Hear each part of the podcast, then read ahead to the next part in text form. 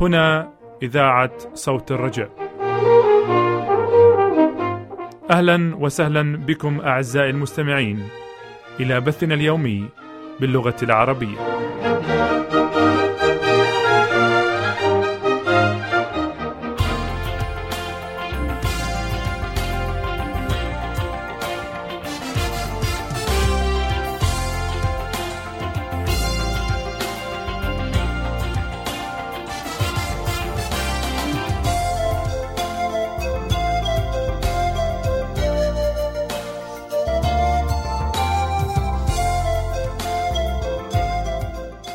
دراسات كتابية.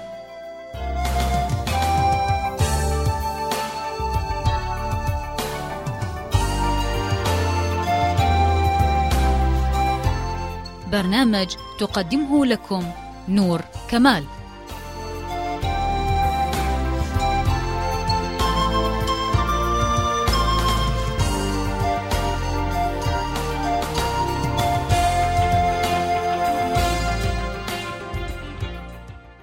الكلمة صار جسدا.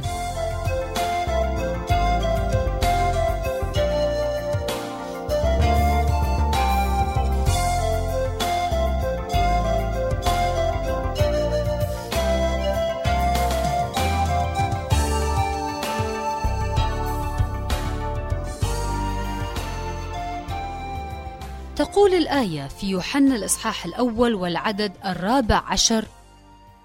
والكلمة صار جسدا وحل بيننا ورأينا مجده مجدا كما لوحيد من الآب مملوءا نعمة وحقا. هنا نصل إلى الكلمة والتي تعتبر مركز البشارة الرابعة والتي من أجلها سطر البشير إنجيله. لقد استمعنا إليه يتحدث عن كلمة الله الحي الخالق الحياة وحافظها ومقومها والذي يحفظ الكون في نظامه السرمدي. ويهب الكائن العاقل الفكر الصائب النقي. وهذه الأفكار كلها كانت معروفة بين العبرانيين واليونانيين على السواء. وها هو يتقدم بتصريح يذهل كل إنسان لأنه يسمو على أفكار كل إنسان.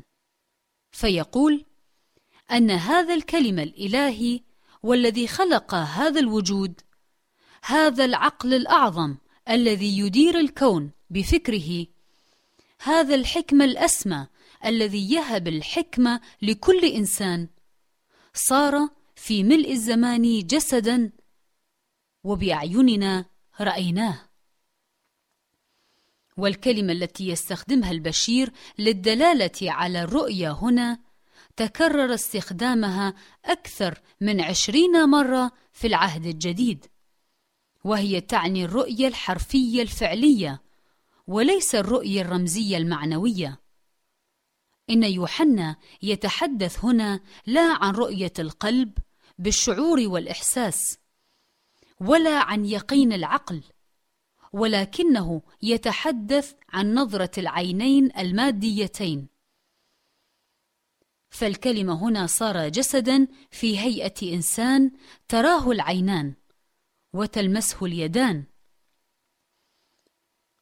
وكأني به يتحدث إلى أهل عصره وإلينا في كل جيل قائلا إن شئتم أن تنظروا باعينكم الكلمة الخالق وتلمس أمجاد العقل الأعظم المسيطر على كل الوجود. فانظروا إلى يسوع الناصري.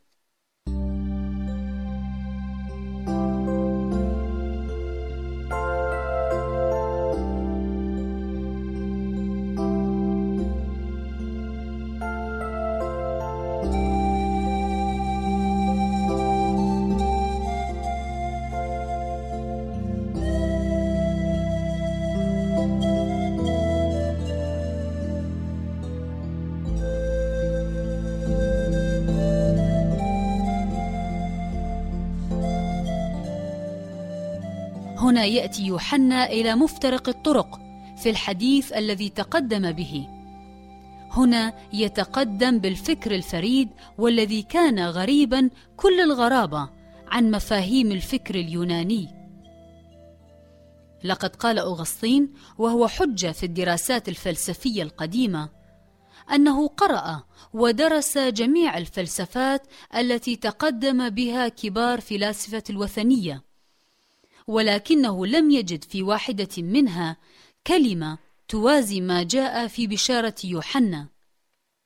من أن الكلمة صار جسدا وحل بيننا. لقد كان اليونانيون يعتقدون أن هذا هو الأمر المستحيل. فالشيء الوحيد الذي ما كان ممكنا أن يحلم به يوناني هو أن يرى الله وقد أخذ جسدا وحل إنسانا بين بني البشر. فالجسد في الفكر اليوناني كان شرا. سجنا قضي على النفس أن تبقى فيه لاختبارها وتصفيتها. قبرا كتب على الروح أن تلازمه ردحا من الزمن. وحتى بلونارك المؤرخ اليوناني الحكيم ما كان يؤمن بأن الله يدير دفة هذا الكون المادي بنفسه. فكيف يلتقي منبع الطهارة والبر بأساس كل قصور وشر؟ كيف يمد إله القداسة يديه ليدير هذا الكون الذي مبعثه شر ونهايته شر؟ لا بد من وسطاء ليقوموا بهذا الأمر. فمن التجديف أن نقرن أحداث هذا الوجود بتصرفات العناية الإلهية. وفيلو الفيلسوف الإسكندري لم تحوي كتاباته شيئا على الإطلاق يشير إلى هذا الحق. ونحن نسمعه يقول أن حياة الله لا يمكن أن تتنازل إلينا ولا يمكن أن تتضع إلى مستوى حاجاتنا. ومرقس أوريليوس الإمبراطور الروماني الكبير. كان يحتقر الجسد بالقياس إلى الروح فيقول ينبغي أن نحتقر هذا الجسد. هذه المجموعة المتشابكة من الأعصاب والأوردة والشرايين التي تحيط بالنظام ويغذيها الدم. فإن تركيب الجسد كله خاضع للفساد. وهنا نرى يوحنا يتقدم بالفكر الأسمى بأن الله يستطيع ويريد أن يصير كل إنسان على شاكلته وأن يصير هو إنسانا ويدخل في الدائرة التي فيها نحيا وإن الأبدية في إمكانها الاتحاد بالزمن وأن الخالق يستطيع أن يتجسد في صورة المخلوق فتراه العيون ويبصره المبصرون. وقد كان هذا فكرا جريئا جديدا عن الله لم يسبع به من قبل. لذلك لا غرابة أن نجد اناسا حتى من قلب الكنيسة ينكرون هذا الحق ويرفضونه.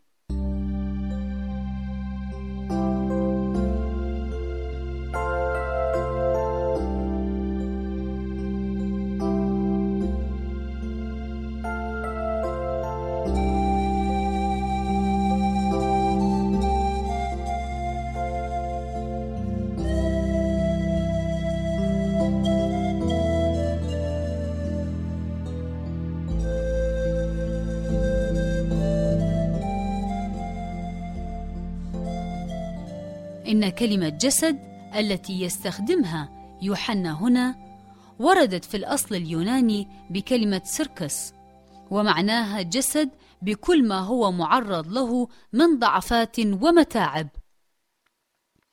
وهي الكلمة التي تتكرر كثيرا في رسائل بولس. إن مجرد التفكير في جعل الجسد يقترن بالكلمة الأزلي لم يكن أمرا من الممكن احتماله. وهكذا ظهرت في الكنيسة بدعة تعرف ببدعة الدكتيين من كلمة دوكين اليونانية وهي تعني يبدو كذلك. وقد نادى أصحاب هذه البدعة بأن يسوع لم يكن له جسد فعلي بل كان روحا مجسما في شبه جسد يسير بين الناس كأنه إنسان وما هو بإنسان؟ وإنه لم تكن تعتريه ضعفات البشر من آلام ومتاعب وحاجة للنوم ورغبة في الطعام. وقد جابه يوحنا هذه الضلالة مجابهه صريحة في رسالته الأولى حيث يقول بهذا تعرفون روح الله. كل روح يعترف بيسوع المسيح أنه قد جاء في الجسد فهو من الله. وكل روح لا يعترف بيسوع المسيح أنه قد جاء في الجسد فليس من الله. هذا هو روح ضد المسيح.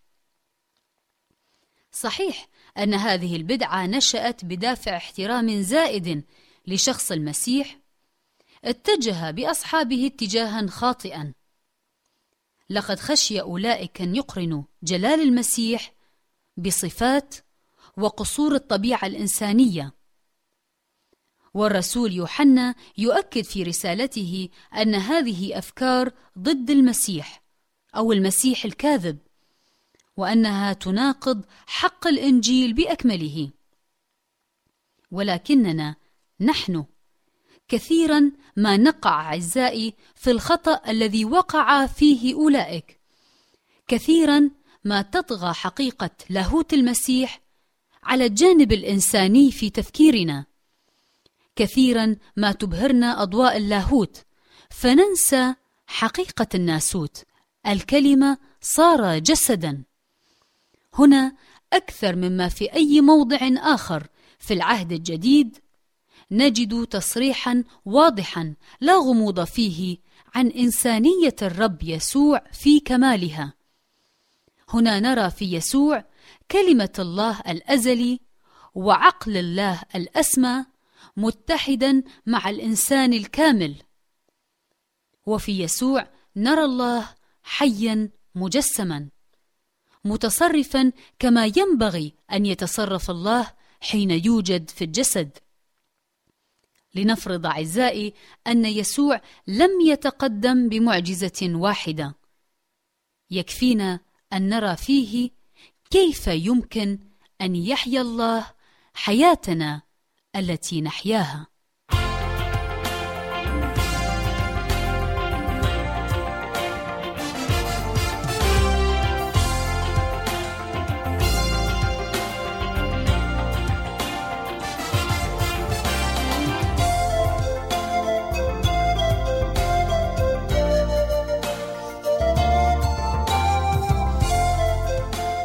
رافقتكم نور كمال في دراسات كتابية.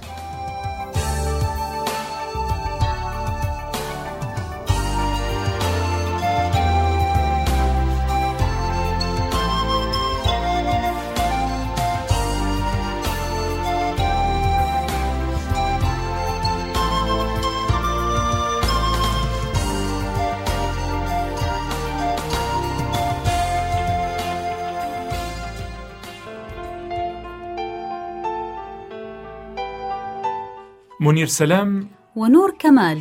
يشكرانك عزيزي المستمع لمرافقتنا خلال برنامج اليوم.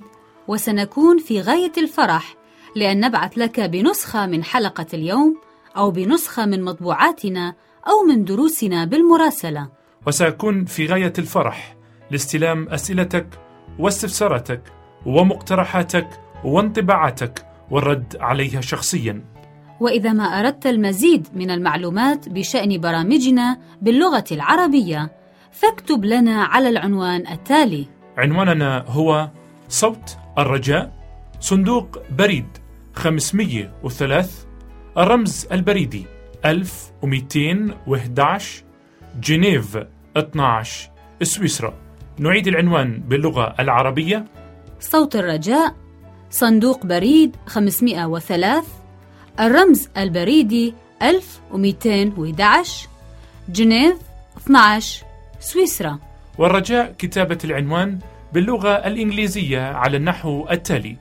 Voice of Hope P.O. Box 503 CH 1211 جنيفا 12 سويسرلاند ولك منا من وراء ميكروفونات صوت الرجاء. أرق وأحلى سلام. ولك من مهندس الصوت أنور عبد المسيح نفس المحبة والترحيب وإلى اللقاء مع برنامج قادم وليكن الرب معكم.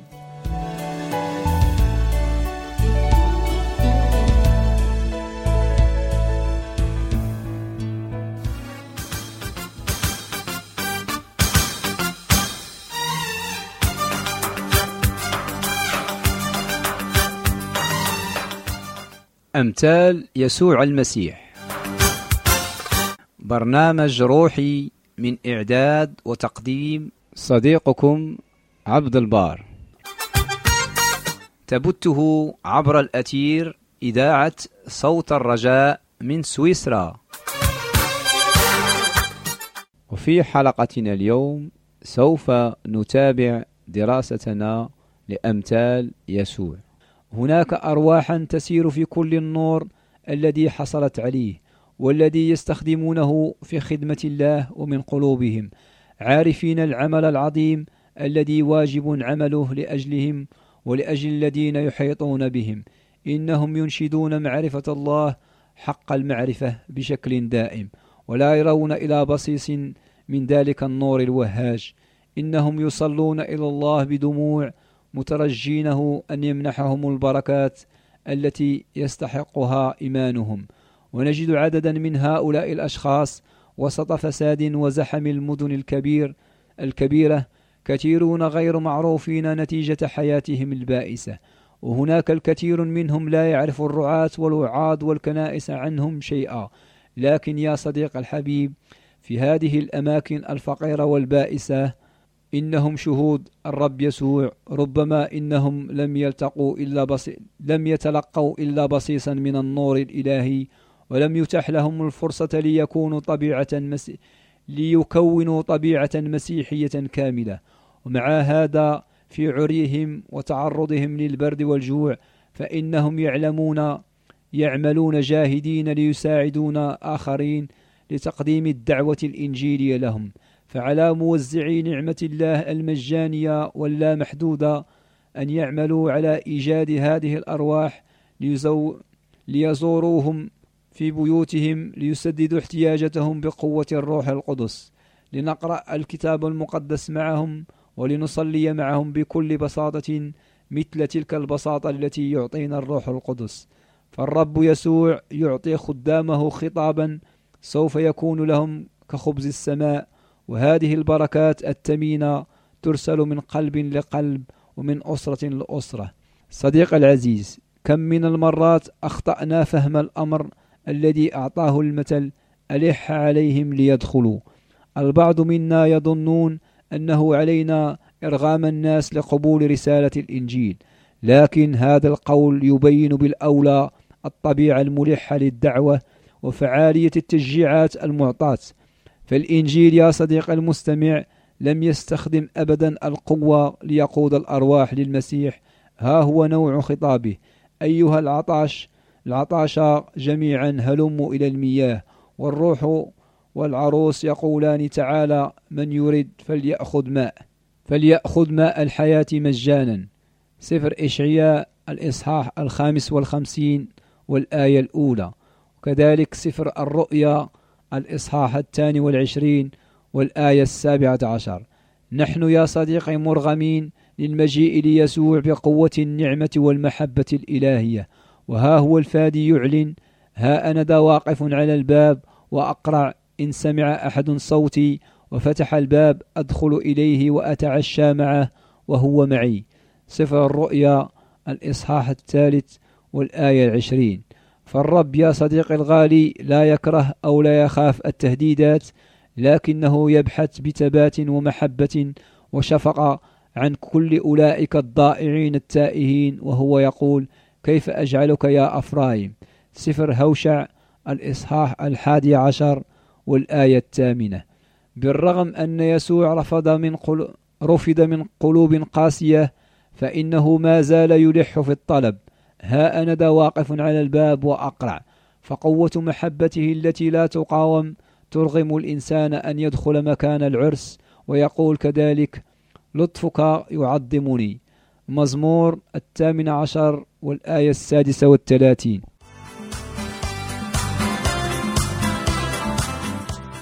والآن أصدقائي المستمعين نستمع جميعنا إلى مقطع من هذه الترنيمة الجميلة وبعدها نتابع دراستنا لأمثال يسوع.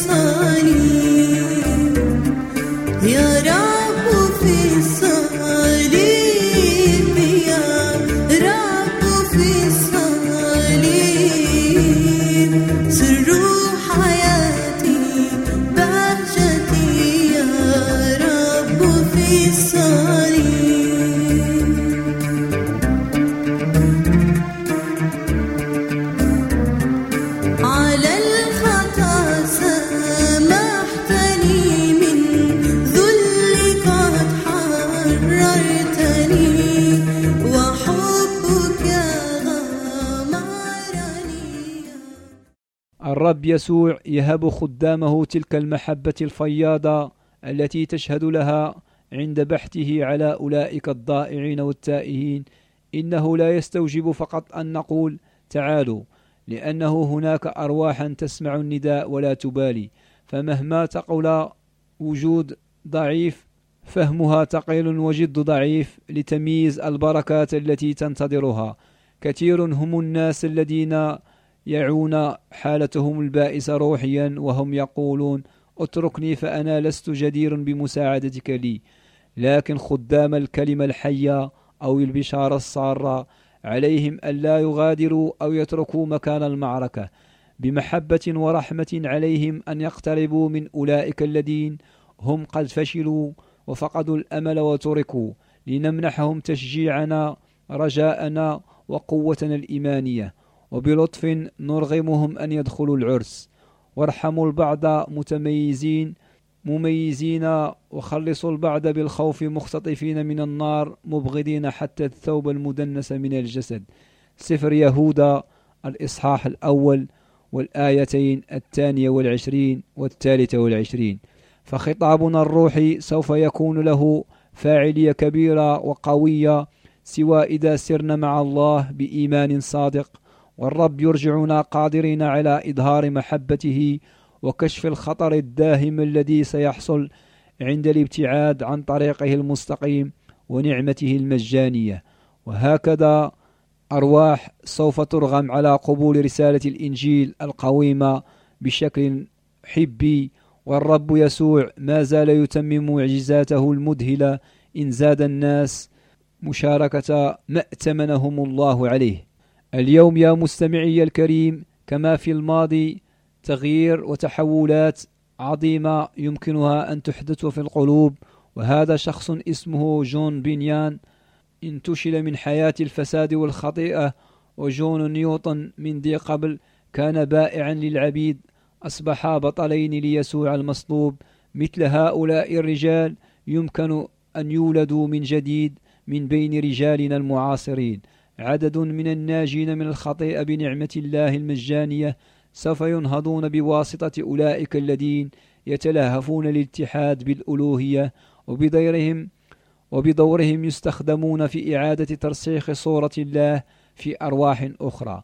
بعض الناس لم تتح لهم فرصة كاملة لمعرفة الفادي معرفة حقه. إنهم في الخطأ لأنهم لا يعرفون كل شيء. ومع هذا فالنور الرباني من فوق يأتي إليهم. والرب يقول لهم كما قال لزكا لأنه ينبغي أن أمكث اليوم في بيتك. إنجيل لوقا الإصحاح التاسع عشر والآية الخامسة. إننا يا صديق الحبيب نستنتج أن كذلك أولئك الذين معروفين بقساوة قلوبهم سوف تلين قلوبهم هذه لأن الرب تكرم ووجه نظره نحوهم. كثيرون من الناس قد كانوا منغمسين وغارقين في الخطيئة والمعاصي الكبيرة سوف يستجيبون لدعوة الله ويأخذون مكان أولئك الذين لم تعجبهم الدعوة ولم يرضوا بها وضيعوا الفرصة والامتيازات الممنوحة لهم من الإله الحي. إنهم سوف يكونون مع مختاريه الله العزيز مع الأحبة وعندما يرجع يسوع في مجده الكامل سوف يكونون بجانبه حول عرشه. يقول كتاب الله المقدس انظروا إلا تستعفوا من المتكلم. سفر عبرانيين الإصحاح الثاني عشر والآية الخامسة والعشرين. وقال يسوع ولا أحد من المدعوين سوف يأكل من عشائي. إنهم رفضوا الدعوة وسوف لن تعاد عليهم مرة ثانية. برفضهم ليسوع قس اليهود قلوبهم وأصبحوا تحت سيطرة وسلطان إبليس العدو فأصبحوا مع الأسف غير قادرين على قبول نعمة الله فكذلك الأمر بالنسبة لنا نحن اليوم فالذي لا يحبذ محبة الله ولا يدعو نفسه تنحني وتقهر أمام هذا المبدأ السامي والثابت فسوف يضيع والرب لا يقدر لا يمكنه أن يمنحنا أكثر من تلك المنحة الغالية. فالقلب الذي يبقى غير شاغر غير شاعر بهذه المحبة. والآن ليكن الرب معكم وإلى اللقاء في الحلقة القادمة.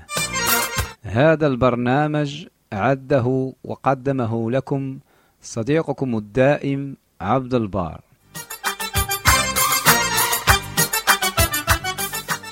عنواننا صوت الرجاء صندوق البريد 305 1211 جنيف 12 سويسرا.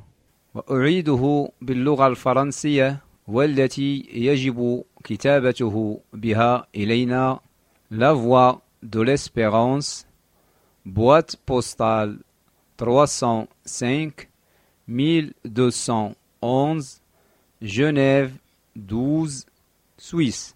كما يمكنكم زيارة موقعنا على الانترنت على العنوان التالي www.voixdelespérance.com ولا تنسوا أصدقائي المستمعين موعدنا في الحلقة المقبلة والرب معكم.